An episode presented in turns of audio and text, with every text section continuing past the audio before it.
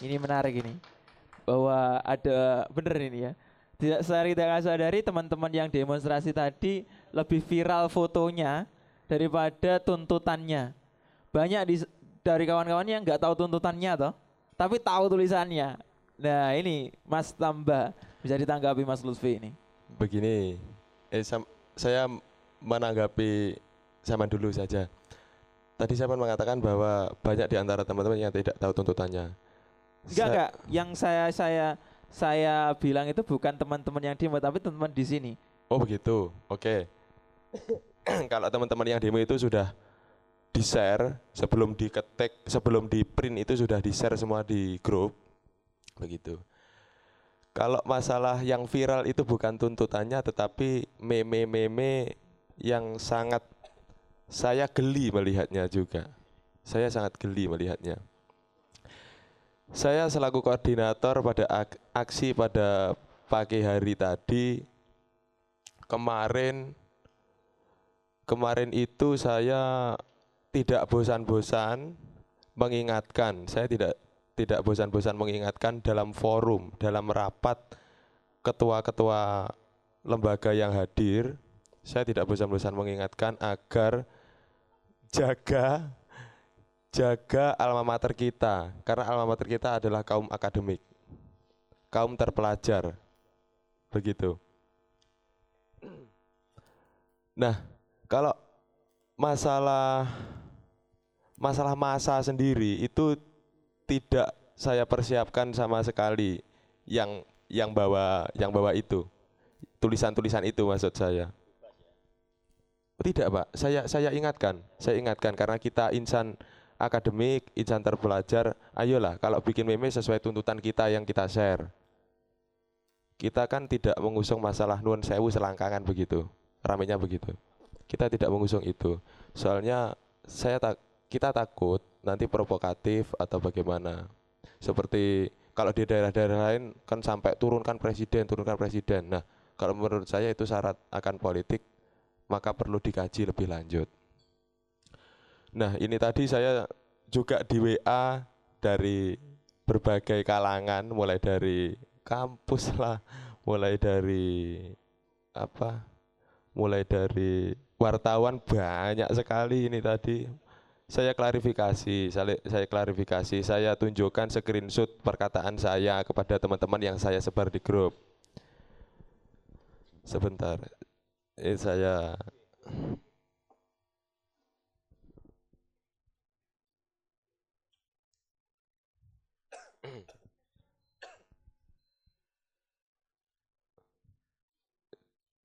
di bawah tuntutan di bawah tuntutan kita hasil kesepakatan kita bersama saya menulis begini. Jangan sampai anarkis. Emanan aku cah begitu. Kalau nanti ada penyusup yang menyulut emosi massa. Nah kata-kata itu kembali ke orangnya masing-masing kalau menurut saya. Kalau dari pihak koordinator sendiri tidak pernah menyarankan malah melarang.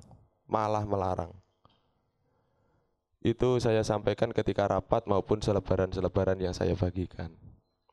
Karena kami hanya ingin menyampaikan aspirasi, titik, tidak lebih. Terima kasih, mungkin itu. Itu tanggapan tadi. Atau mungkin kurang sepakat? Eh, oke oke saya cukup ya Mas ya. Mas Lutfi ini.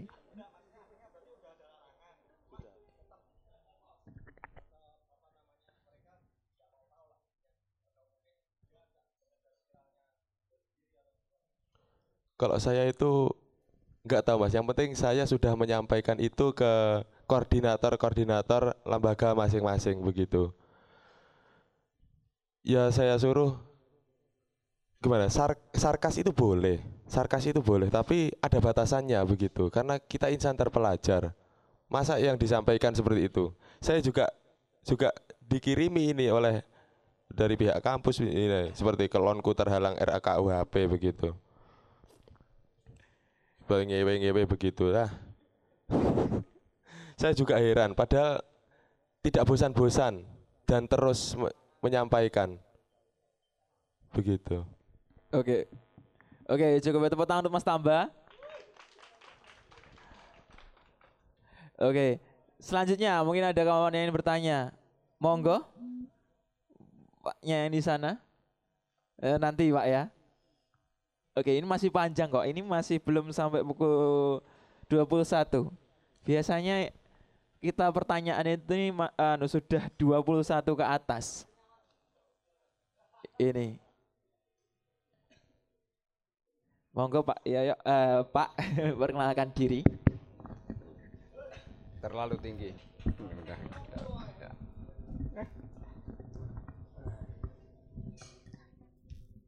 Assalamualaikum warahmatullahi wabarakatuh. Waalaikumsalam warahmatullahi wabarakatuh. Eh, saya sebenarnya tidak ingin bertanya, tapi Menanggapi Pak. ingin menanggapi. Monggo. Yang pertama saya amat sangat mengapresiasi dari apa yang rekan-rekan lakukan tadi. Ternyata rekan-rekan Tulungagung itu saya- menurut saya itu jauh lebih dewasa daripada rekan-rekan di daerah lain karena di sini tidak terjadi tindakan anarkis.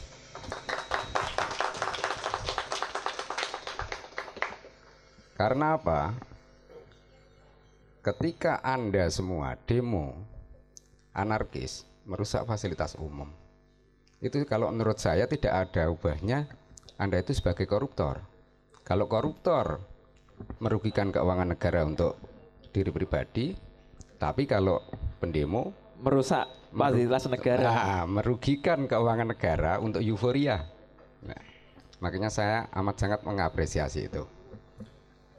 Eh, yang kedua, saya melihat fenomena sosial yang ada pada kalangan mahasiswa dengan kekuatan sosialnya yang begitu besar.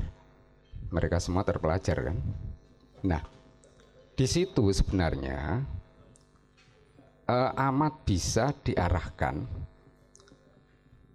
kepada kegiatan-kegiatan yang mungkin bisa berkembang ke arah yang lebih berguna karena mempunyai kekuatan sosial yang besar sekali. Contoh, banyak sekali kasus-kasus di Tulungagung ini yang belum terselesaikan. Umpama,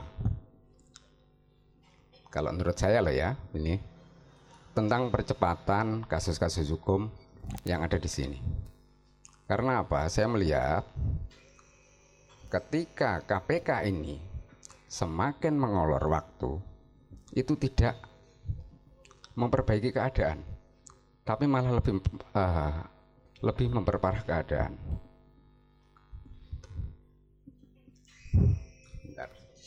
Lupa.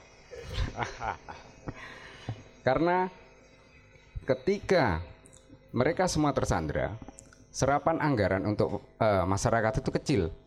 Tapi di lain pihak, anggaran swakelola itu besar. Bahkan termasuk perdinnya ya Pak ya. Perdin DPRD juga kan. Ya. Makanya ini bisa diarahkan Pak. Jadi untuk mungkin lebih sering diundang untuk dialogis untuk menentukan arah program-program pembangunan di Tulungagung. Karena saya lihat dengan potensi yang besar, mereka tidak pernah diajak untuk berpikir bagaimana sebaiknya Tulungagung ke depan. Tapi juga ada yang harus diperbaiki atau dibenahi dalam legislatif kalau saya boleh ngomong. Ini berdasarkan pengalaman saya ketika hearing kemarin. Dua kali hearing diterima dengan baik pasti. Cuman tindak lanjutnya yang tidak ada. Karena ketika he- hearing untuk ya, pengadaan di Dignas dan Dewan memerintahkan inspektorat untuk membentuk tim investigasi, sampai sekarang kita belum menerima jawaban. Contoh seperti itu. Itu kadang kalau untuk rekan-rekan mahasiswa mungkin sangat mengecewakan. Nah, terus yang kedua, Anda semua itu merupakan kekuatan sosial yang sangat eh, apa? sangat besar. Nah, itu bisa seharusnya bisa lebih menjadi kontrol sosial pada daerah kita. Bukan cuman eh, nasional kan. Kalau nasional saya anggap karena kita terlalu jauh dari pusat kekuasaan, ini sebenarnya cuma euforia. Karena mungkin Anda tidak ingin dianggap tidak solidaritas dengan pergerakan tersebut. Tapi jangan lupa di Tulungagung ini di sekitar Anda banyak sekali masih terkait penganggaran terutama dan termasuk transparansi anggaran yang sampai saat ini amat sangat sulit kan Pak? Nah itu. Mungkin itu tanggapan saya dan terima kasih saya uh, saya amat sangat uh, mengapresiasi kegiatan tadi berjalan dengan lancar dan baik. Sekian, assalamualaikum warahmatullahi wabarakatuh. Waalaikumsalam warahmatullahi wabarakatuh. Ini adalah bentuk penyampaian aspirasi yang tidak berujung pada anarki. Itu yang perlu kita ketahui bersama. Oke, um, monggo ada pertanyaan lain. Monggo Pak, Gih, maju. Pernah nama Pak Gih?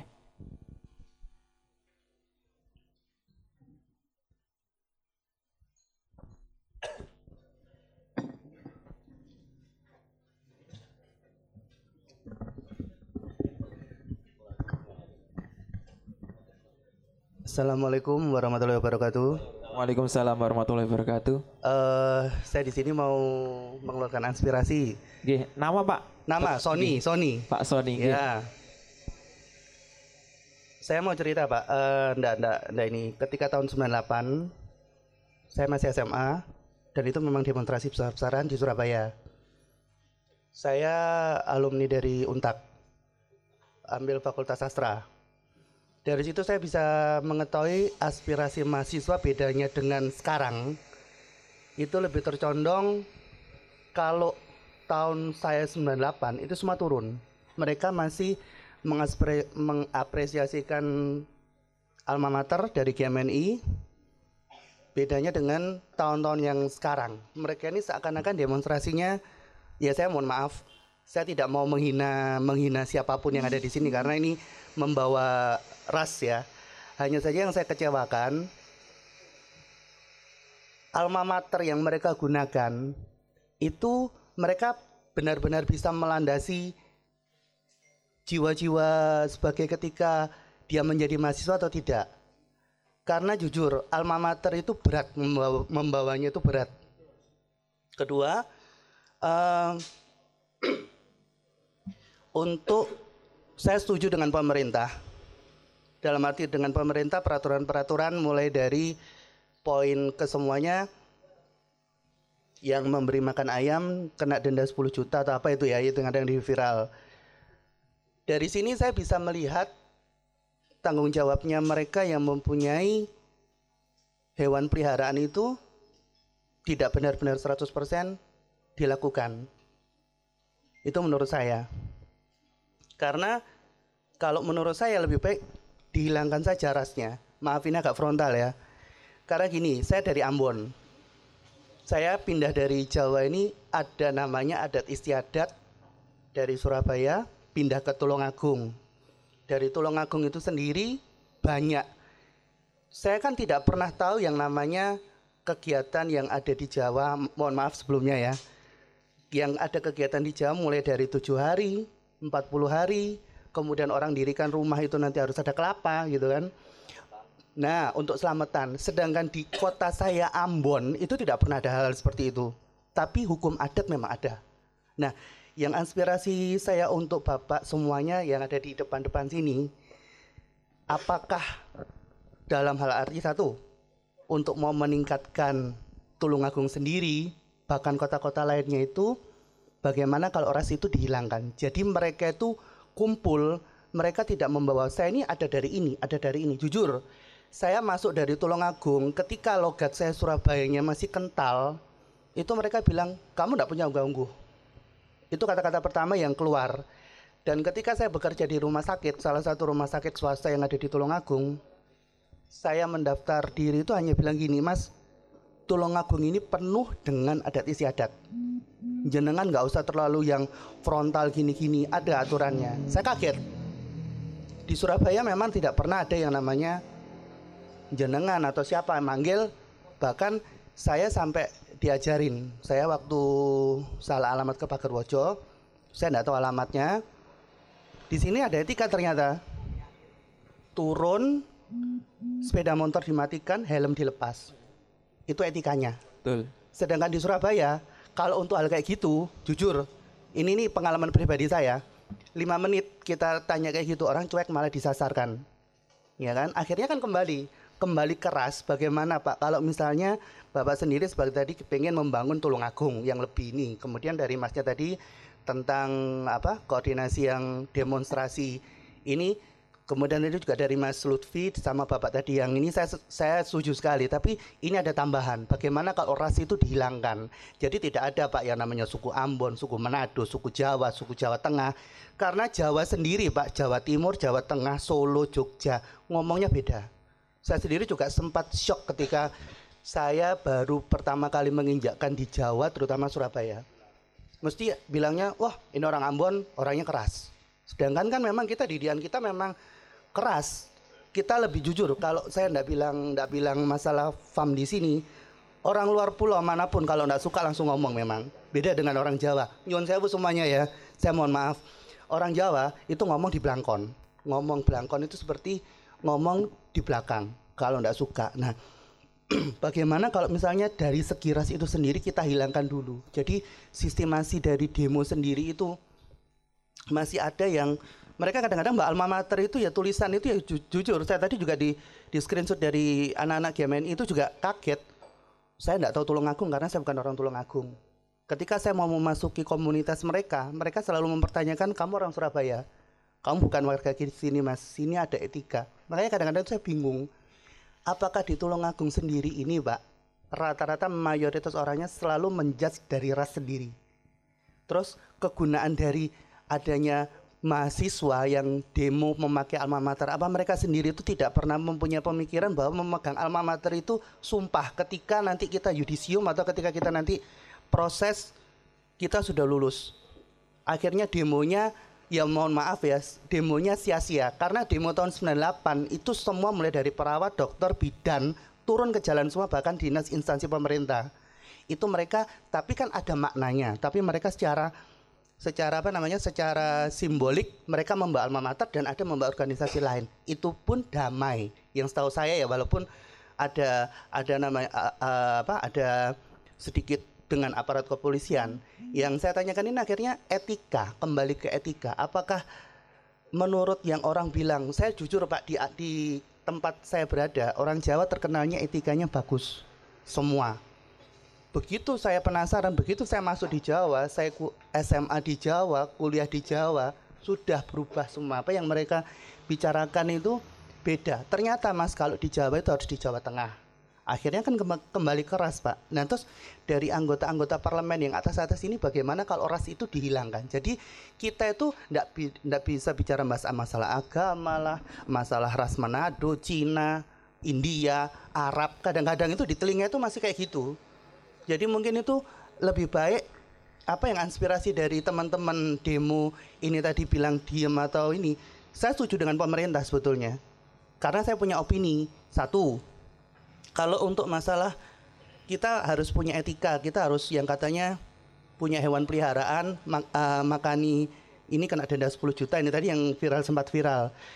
Sedangkan mereka harusnya punya pemikiran ketika mereka mempunyai hewan yang harus dipelihara, kan tidak perlu mengganggu orang. Itu benar apa tidak? Jadi kadang-kadang itu kan ayam nanti kita cuma ngasih apa naburin ayam kena 10 juta, ya kan? Terus kemudian ada lagi tadi di viral sempat seperti itu. Mending aku kerja kerja uh, kena gini daripada saya harus dukun atau gembel atau minta-minta. Akhirnya kan timbul aspirasi seperti itu. Nah, dari anggota DPRD dan dari Mas sendiri semua itu apakah menurut pantas nggak sekiranya itu ras itu dihapus saja. Jadi orang itu tidak ada mindset saya dari budaya Jawa, budaya Cina, budaya Ambon, Manado, Arab sampai kita itu kalau bisa masalah agama kita di mata Tuhan sama kok Pak. Karena saya juga baru di pondok. Jadi kan saya cuma hanya bilang di sini bagaimana kalau misalnya ras itu sendiri yang dihapus jadi tidak usah terlalu banyak demo-demo yang bagi saya satu buang-buang tenaga, buang energi yang di mana aspirasinya juga belum tentu nanti diterima. Terus kemudian alma mater, apakah teman-teman dari mahasiswa itu tidak menyadari dan tidak apa ya bahwa menggunakan alma mater berlambang ini berlambang ini itu berat itu. Itu, itu saja. Terima kasih Pak. Oke, terima kasih untuk Pak Sony tadi. Oke, ini uh, mungkin ini saya bisa minta perspektif dari seluruh audien di sini ya. Uh, mas kami uh, panelis di sini, pemantik kita. Uh, saya mau dari Mas Elga dulu mengenai Pak Sony tadi. Oke, uh, kalau saya singkat singkat singkat saja ya. Uh, dari Mas Sony tadi pendapatnya, kalau menurut saya pribadi ini ini forum demokrasi ya, yeah. forum demokrasi sekali. Bener, tapi ora pener. Bener dengan B, tapi ora pener dengan P. Mungkin itu saja dari saya. Oke, tepuk tangan Mas Ini CO Terima kasih atas pertanyaannya Mas Sony. Mas Sony tadi orang Ambon ya. Kebetulan saya orang timur yang tertukar, saya orang Batak, Uras. Uras. Tapi saya santun karena terlihat santun karena orang Jawa begitu.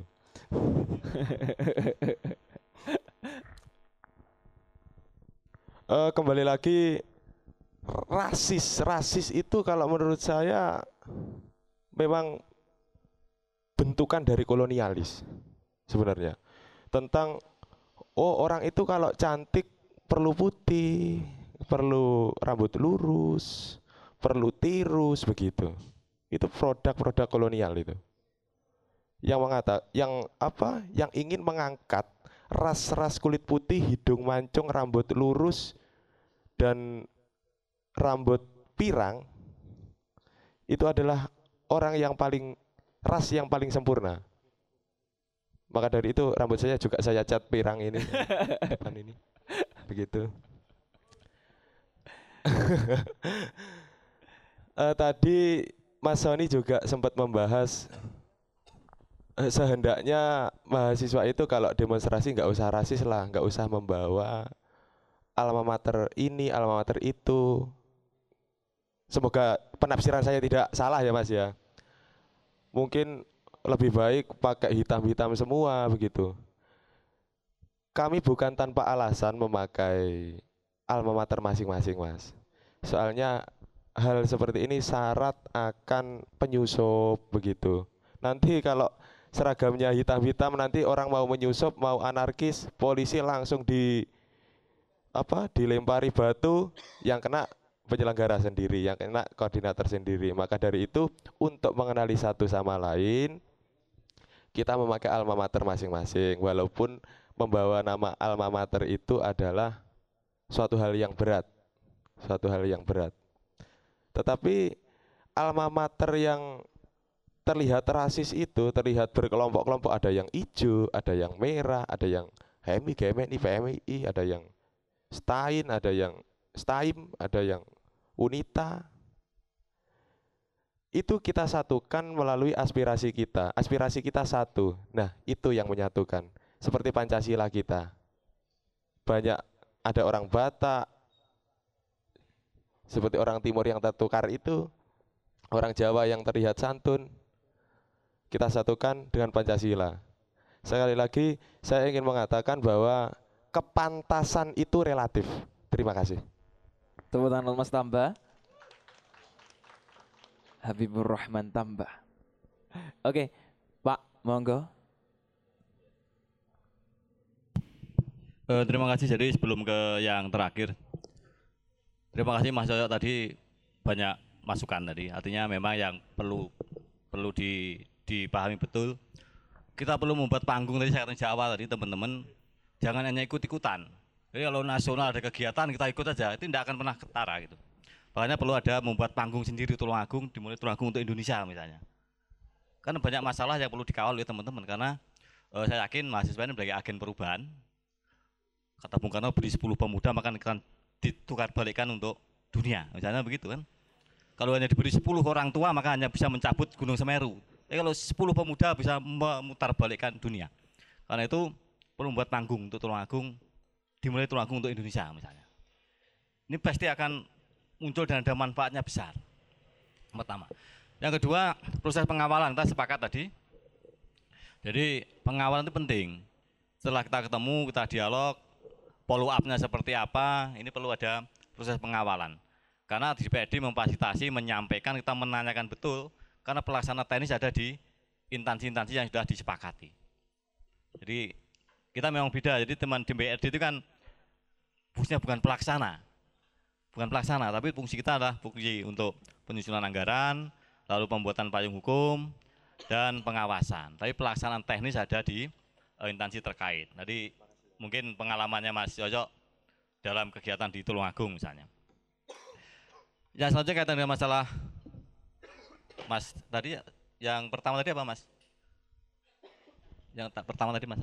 Tentang penggunaan atribut kampus, kemudian penghapusan ras, Pak.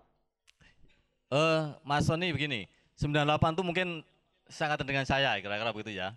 98 itu saya semester akhir sambil KKN, sambil skripsi, sambil demo tiap hari. Jadi mulai dari Surabaya, Malang, Surabaya, Malang, Surabaya, Malang terus begitu. Jadi pengalaman kita hampir sama kira-kira begitu gitu teman-teman hari ini. Tapi memang untuk 2098 itu memang fokusnya betul, tembak kita jelas. Sehingga gerakannya luar biasa, nasional itu. Dan tidak ada muatan-muatan yang lain. Tidak ada muatan-muatan yang lain kala itu. Dan tetap pakai atribut kampus. Mengapa? Sepakat tadi menghindari namanya penyusup. Jadi kita itu sampai jam 2 malam itu juga begini, 2 pagi itu besok itu supaya tidak ada tukang becak masuk, tidak ada preman masuk seperti apa? Malang Raya itu pakai sepeda motor semua. Karena tidak mungkin tukang becak pakai sepeda motor. Kita pakai alma pakai sepeda motor semua keliling Malang Raya. Dan saya tabrakan betul itu yang ngurusi PM bukan polisi. Karena polisinya tidak ada, yang ada PM semua gitu. Di depannya Unmer. Artinya pengalaman-pengalaman pribadi itu juga eh, sama dengan panjenengan lah. Itu seneng, senengnya luar biasa memang.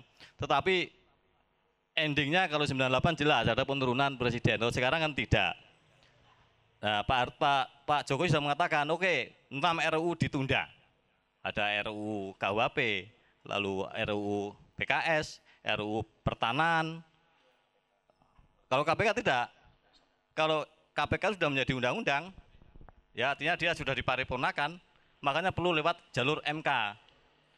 Ya, di demo apa pun dia tidak akan bisa turun namanya undang-undang eh, KPK itu karena sudah masuk.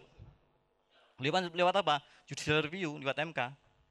Silahkan secara elegan nanti teman-teman yang ahli-ahli hukum bisa melakukan M- jalannya itu memang kalau di MK sudah perlu dirubah dan sebagainya, mungkin presiden bisa membuat perpu. Jadi kalau presiden langsung mengeluarkan perpu tanpa ada angin ada apa-apa ya tidak bisa. Tidak bisa ditekan-tekan begitu sehingga sebetulnya yang dituntut teman-teman ini semuanya kan sudah Pak Jokowi seminggu yang lalu mengatakan ditunda kan begitu. Sebetulnya secara secara hierarki sudah secara secara aturan sudah itu tidak ada tidak ada tidak dibahas kan sekarang. Di tuntutan ini sudah diterima semuanya mau ditunda kok sebetulnya. Sebelum tandingan demo sudah di, sudah dipenuhi sebetulnya itu. Tapi tetap demo kan begitu. Luapan emosional atau luapan ingin ekspresi kira-kira begitu. Tapi sebetulnya secara substansi sudah sudah tidak ada, sudah diterima semua, sudah ditunda kok. Logikanya kan begitu. Ya ini ini logika saja kita. Alma mater penting karena untuk identitas. Alma mater itu juga menunjukkan, oh teman-teman itu kompak gitu kan di kampus A, kampus B, kampus C. Tetapi dalam pelaksanaan memang tetap kita tetap harus kompak untuk itu. Tidak bisa kita saling mendiskriminasikan. Saya yakin tidak ada kok di di konsep undang-undang, di konsep peraturan-peraturan yang kita buat itu, termasuk di Perda, tidak pernah menyebut namanya ras. Karena pada asas-asas itu adalah asas keadilan, asas manfaat, asas kebersamaan dan sebagainya. Kalau sumber hukum kita tetap Pancasila. Sumber dari segala sumber hukum adalah tetap Pancasila. Tidak boleh di situ ada eh, pembedaan-pembedaan karena frame kita adalah NKRI. Cuma namanya budaya itu tidak bisa dihapus. Wong itu budaya kok. Budaya Ambon harus sama dengan budaya Jawa tidak bisa. Jawa sama dengan Papua juga tidak bisa. Karena budaya ini galian dari apa ya proses panjang, proses panjang budidaya manusia untuk mengekspresikan kemampuannya, sosialnya dan sebagainya. Kalau dari ilmu sosiologi, ilmu antropologi itu ada di situ. Nah, tidak bisa dihilangkan. Cuman dari sisi kehidupan sehari-hari saling menghormati tadi ini penting. Tidak boleh saling, oh ini Ambon, oh ini keriting, oh ini hitam, itu tidak bisa kan? Menyinggung prat. Tapi kalau guyonan kadang kala, orang Tulungagung itu guyonan kadang kala. Bahasanya di pleset-plesetnya juga begitu kan? Dari teman-teman luar Jawa diwarai miso-miso, tapi artinya katanya baik, itu itu kan biasa. Diwarai miso danco, macam-macam lah. Artinya itu tempe misalnya begitu.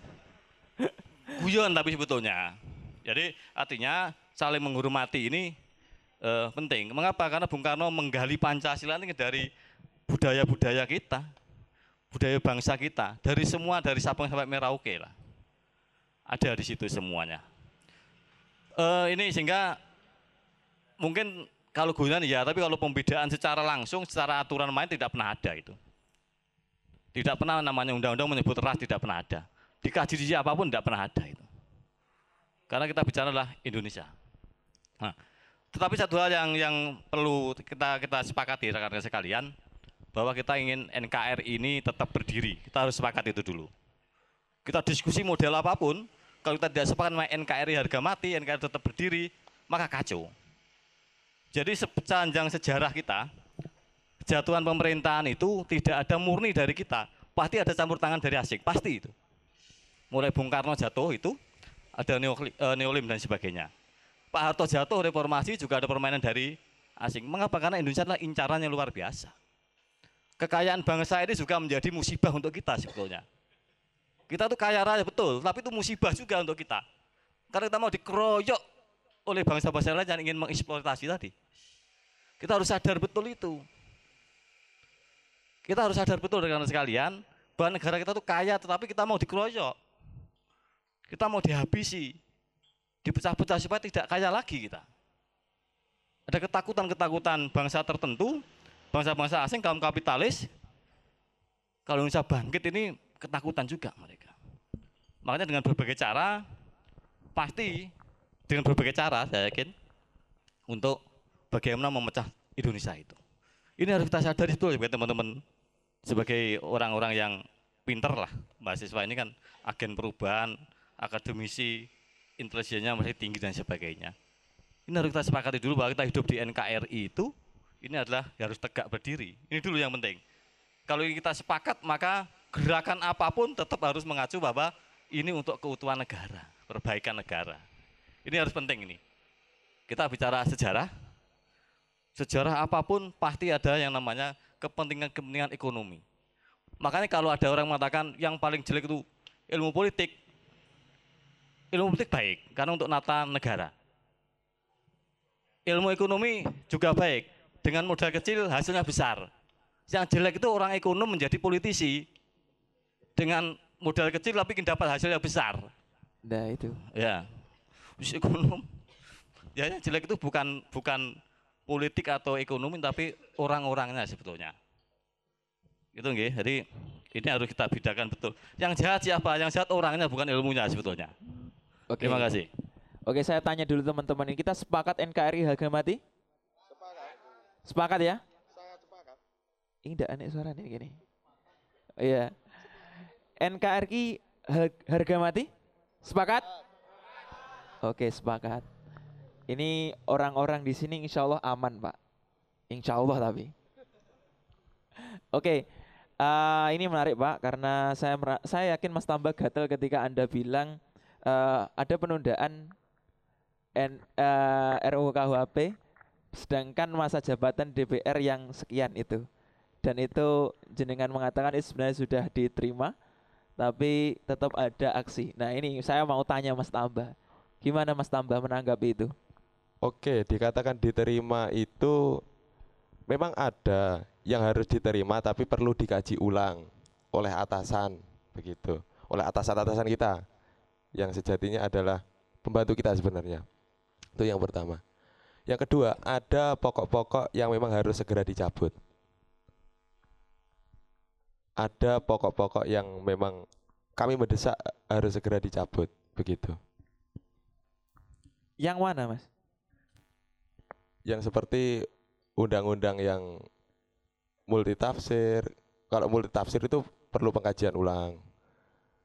Kalau yang karet atau tidak tidak masuk akal lah seperti tadi disinggung oleh Mas Sony ayam begitu soal ayam yang apa ke halaman tetangga seperti itu salah satu contohnya. Oke, cukup ya. Gitu orang mas.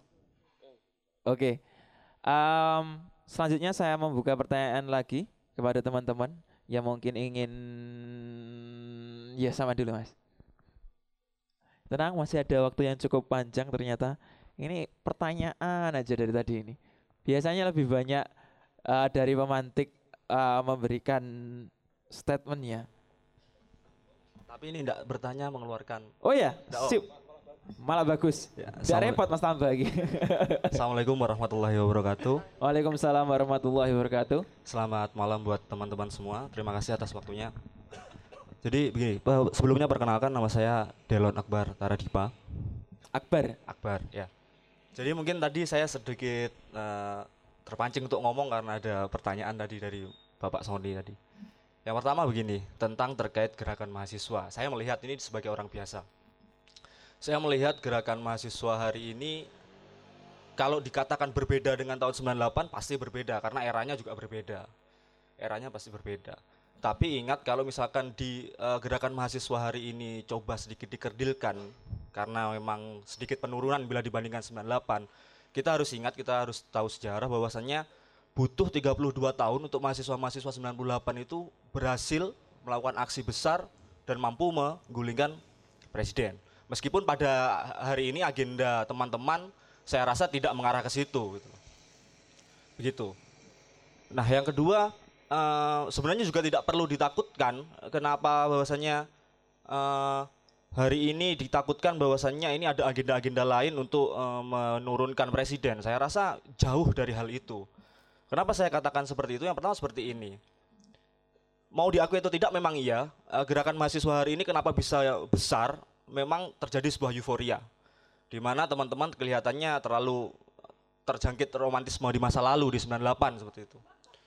Tapi tapi yang harus kita garis bawahi juga adalah hari ini dengan momentum ini mahasiswa-mahasiswa ini menemukan momentum saya melihatnya. Karena mau diakui atau tidak, kita harus sepakat bahwasanya korupsi masih menjadi musuh nomor satu di dunia di Indonesia ini. Korupsi masih menjadi musuh nomor satu. 98 berhasil musuhnya satu, Soeharto. Hari ini musuhnya teman-teman adalah korupsi. Kenapa? Meskipun RKUHP ini sudah dibatalkan oleh presiden tapi gerakan mahasiswa masih ada. Ya karena undang-undang revisi tentang undang-undang KPK-nya masih belum dibatalkan gitu loh. Dan itu memang harus dikritik. Panjang nanti kalau menceritakan pasal per pasal kan begitu. Tapi itu Pak, saya melihatnya. Jadi tidak usah khawatir. Teman-teman dari partainya Pak Jokowi juga tidak usah khawatir gitu loh. Karena ini memang sebenarnya juga ya memang aksi gerakan yang turun benar-benar dari dari mahasiswa gitu. Itu yang pertama. Yang kedua terkait tadi eh, terkait ras gitu. Jadi begini Mas. Kebetulan saya juga nggak 100% Jawa, separuh Jawa. Separuhnya lagi. Separuhnya lagi Banjarmasin. Kenapa saya menceritakan seperti itu? Karena ini ber- berbicaranya tentang ras. Jadi seperti ini, eh, Indonesia dibangun dari kemajemukan. Tidak bisa dipungkiri Indonesia tadi benar dikatakan Bapak bahwasanya Indonesia dibangun dari kemajemukan. Dan ketika melihat permasalahan ras ini sebenarnya tergantung sudut pandang kita saja gitu loh. Kita mau melihat dari sudut pandang mana? Apakah ras, agama, suku ini menjadi sekat pembatas kita? Apakah ini menjadi sebuah eh, suatu sesuatu hadiah dari Tuhan kepada kita terkait kemajemukan ini gitu loh. Contoh di Tulungagung, 50 eh 50 persen lagi. Hampir 80 persen atau 90 persen Pak di Kampung Dalam itu kalau bisa dilihat itu isinya orang Banjar semuanya. Yang Jawa itu sedikit. Tapi di sana juga mereka menetap sudah puluhan tahun. Tapi mengapa bisa bisa ya tidak pernah ada gesekan, adem ayam tentrem dan sebagainya? Karena sebenarnya Indonesia ini meskipun majemuk kita sudah diberikan sebuah bekal dari leluhur-leluhur kita ini. Ada ada, ada sebuah peribahasa yang mengatakan bahwasanya di mana kita berdiri ya kita berdiri dipijak berpijak di situlah langit kita junjung gitu loh. Tergantung dari kitanya aja mau melihat itu dari sudut pandang mana. Asimilasi budaya itu bukan sesuatu yang haram atau salah gitu loh. Itu malah bagus gitu loh. Kalau menurut saya seperti itu. Dan juga dari untuk pesan dari teman untuk teman-teman mahasiswa tadi, kalau dari saya secara pribadi adalah meskipun tadi sudah diterima oleh bapak-bapak dewan, ibu-ibu dewan di gedung DPR, ya itu masih diterima saja. Kalian masih perlu mengawal. Kalau menurut saya secara pribadi, saya nggak ngompor-ngompori gitu pak. Kalau di sini ada kepolisian dan sebagainya, saya nggak ngompor-ngompori gitu loh. Tapi ini keresahan dari saya melihat eh, KPK. Oke lah, KPK memang bukan sebuah organisasi atau lembaga yang isinya dewa yang tidak pernah salah. Tidak. Saya pun juga tidak eh, orang yang bukan menentang bahwa orang yang harus undang-undangnya harus ini enggak. Perubahan itu adalah sebuah apa ya? Keniscayaan. keniscayaan gitu loh. Kita tidak bisa menolak perubahan itu tidak bisa gitu loh. Kalaupun mau disempurnakan KPK ini monggo, tapi jangan dilemahkan gitu loh. Nanti mungkin kalau Bapak masih mau tanya melemahkannya seperti apa, nanti kita bisa berdiskusi, Pak. gitu, Pak. Mungkin itu dari saya. Terima kasih atas waktunya. Wabillahi taufiq wal hidayah. Wassalamualaikum warahmatullahi wabarakatuh. Waalaikumsalam warahmatullahi wabarakatuh. Kita buka nanti diskusinya, Mas. Saya tunggu setelah eh, acara ini selesai. Oke, eh, teman-teman yang ingin bertanya atau menyampaikan pendapat, saya mau yang bertanya aja dulu. Yang punya pendapat nanti. Atau yang dia pertanyaan, aneh. Ya, silakan.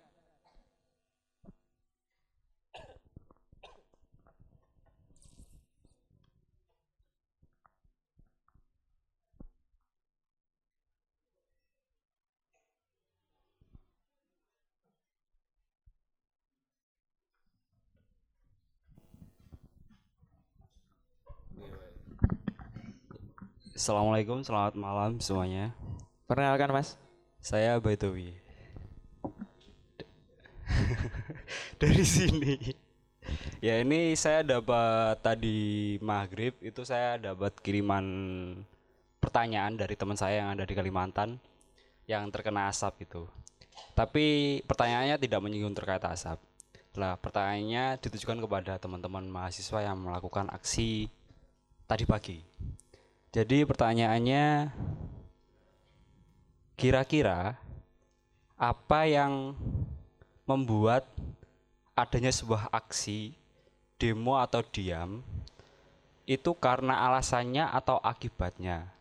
Karena terpaksa karena keadaan, karena keadaannya di Jakarta seperti itu akhirnya ikut-ikutan gitu. Lalu akhirnya memilih demo atau akhirnya memilih diam. Cuma seperti itu saja. Secara general seperti itu. Ulangi, ulangi, Mas. Belum saya pahami itu, paham?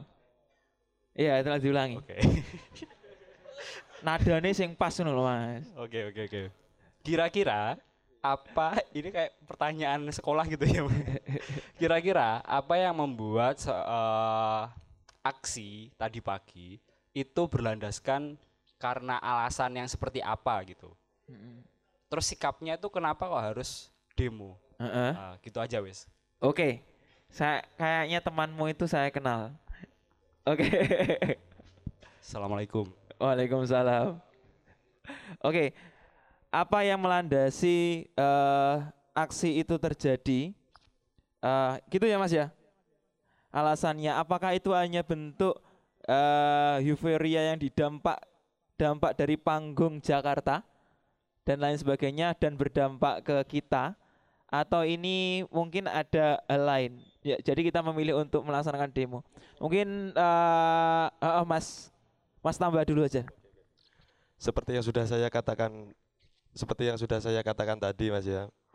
saya sempat menyinggung di daerah saya juga di Tanggung Gunung ketika saya pulang, pulang kampus begitu. Tanggung Gunung sendiri kan bisa kita bayangkan asri penuh pohon-pohon, tetapi ketika kita menoleh kanan kiri itu gosong semua. Itu gosong semua.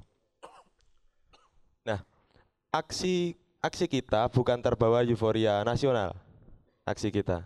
Tetapi karena panggilan itu sendiri. Karena kita berpikir bahwa di sini saja, di sini saja yang kecil pembakaran hutan yang kecil saja saya rasa bikin nelongso. Apalagi sampai di luar Jawa sana, di Kalimantan dan di Sumatera. Begitu. Jadi saya tunggu tunggu tunggu. Saya masih tanya Mas Tambah ini. Jadi itu ben- bukan bentuk solidaritas melainkan dari pikiran kawan-kawan atau ini hanya eh, pemanfaatan momentum sebenarnya dari kawan-kawan ini. Eh, dari pikiran teman-teman juga, ya be- bebarengan momentumnya. Memang bebarengan. Kebetulan di nasional juga mengangkat isu itu, oke lah. Oh ternyata apa niatan niatan kita untuk menyuarakan ini juga ada persamaan di daerah-daerah lain begitu. Begitu ya? Iya. Oke oke. Saya mas dari Mas Elga, karuan dapatnya ini perspektif HMI atau mungkin kenapa HMI sepakat untuk eh, menurunkan masanya? Itu seperti itu saya kira lebihan. Oke, eh saya akan akan kutip sebuah narasi dari dari eh, Ketua PJ Umum Arya Karisma HMI. Jadi narasinya adalah sudah waktunya kawan-kawan pemuda ini eh, generasi milenial atau Z ya itu sudah waktunya untuk menjadi pemuda yang cooling system mengambil peranan untuk meredakan ini bukan meredakan dalam arti nanti eh, apa mengalihkan opini atau mengalihkan isu ya seperti ya ya tahulah siapa seperti itu. Eh, bukan. Jadi cooling system yang yang dimaksud adalah bagaimana kita berkarya bagaimana kita dapat menjadi contoh bagaimana kita dapat eh, mengkritik bukan hanya dalam eh, bukan hanya dalam hal aksi saja kan banyak tadi sudah kawan-kawan sudah sampaikan. Eh, tapi mungkin saya menganalogikannya begini. Benar yang dikatakan eh, saudara saya tadi eh, Mas Tamba. Kita bukan aksi latah kok. Kita bukan aksi latah karena konsolidasi awalnya sangat-sangat panjang Mas ya. Seperti itu. Eh gini mungkin ini analogi yang yang lucu ya.